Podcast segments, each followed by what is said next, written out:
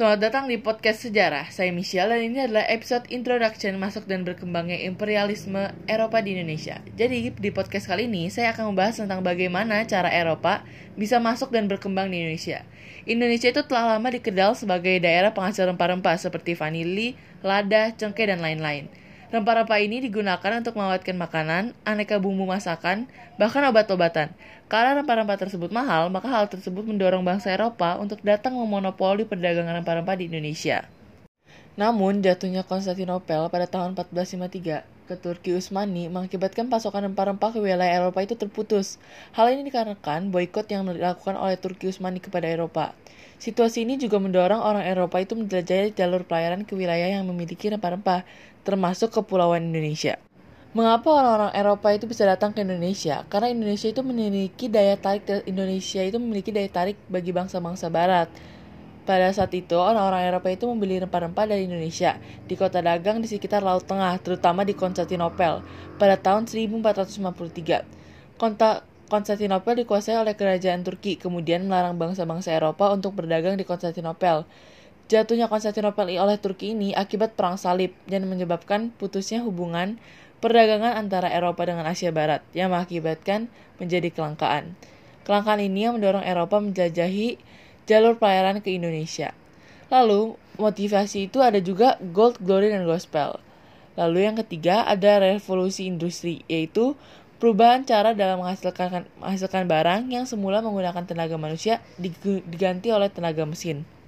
Faktor kedatangan bangsa-bangsa barat ke Indonesia. Yang pertama itu kedatangan bangsa Portugis. Jadi Portugis adalah bangsa yang pertama mencari rempah-rempah ke Nusantara.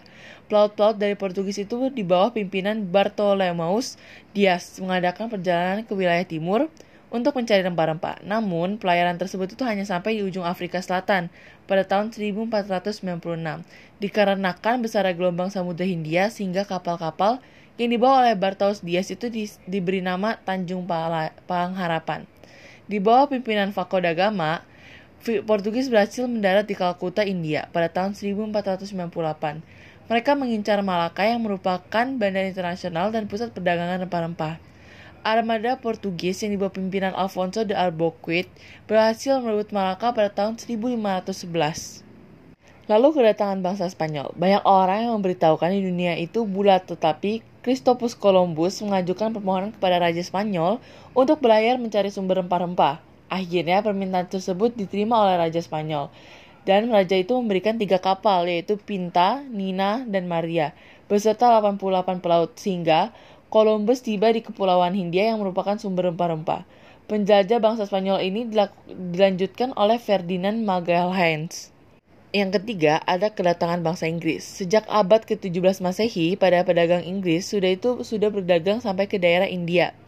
Para pedagang Inggris di India Timur itu mendirikan kongsi dagang yaitu East Indian Company atau yang biasa disebut sebagai EIC pada tahun 1600. Dan yang keempat ada kedatangan bangsa Belanda pada tahun 1596, Belanda mendarat di Pelabuhan Banten dipimpin oleh Cornelis de Houtman dan juga Peter Kaiser dengan empat buah kapal. Kemudian, pada tanggal 28 November 1598, bangsa Belanda tiba dengan membawa 8 buah kapal dipimpin oleh Jacob van Neck dan juga Warwick. Ekspedisi yang dipimpin oleh Jacob van Neck yang pada tahun 1598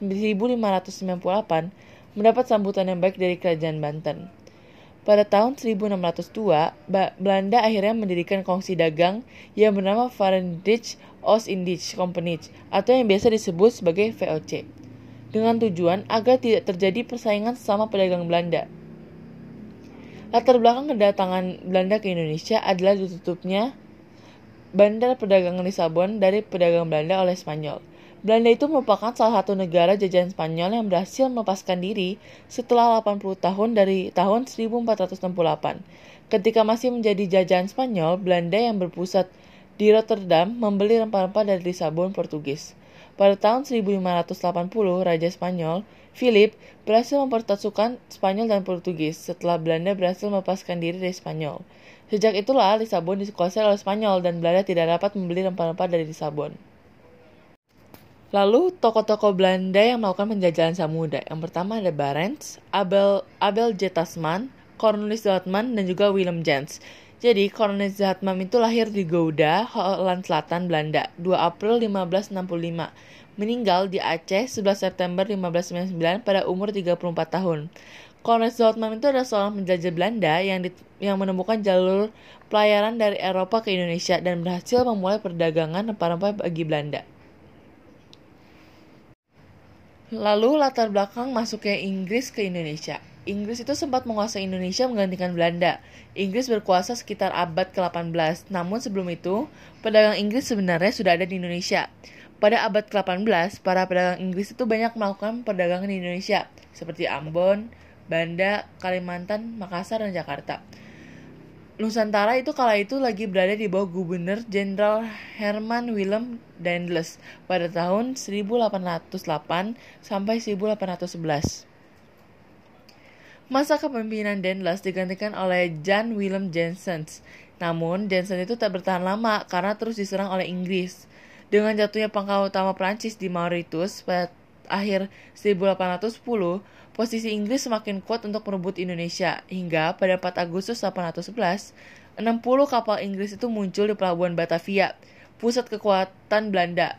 Batavia dan daerah di sekitarnya jatuh ke tangan Inggris pada 26 Agustus 1811.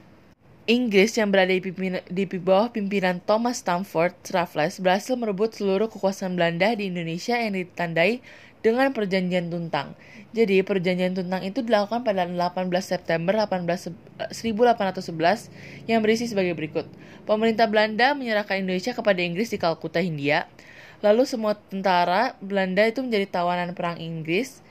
Orang Belanda dipekerjakan dalam pemerintahan Inggris hutang Belanda tidak menjadi tanggungan Inggris, Raffles yang berani merebut seluruh kekuasaan Belanda memberikan kesempatan rakyat Indonesia untuk melakukan perdagangan bebas, meski keberadaan Inggris tetap menindas rakyat Indonesia.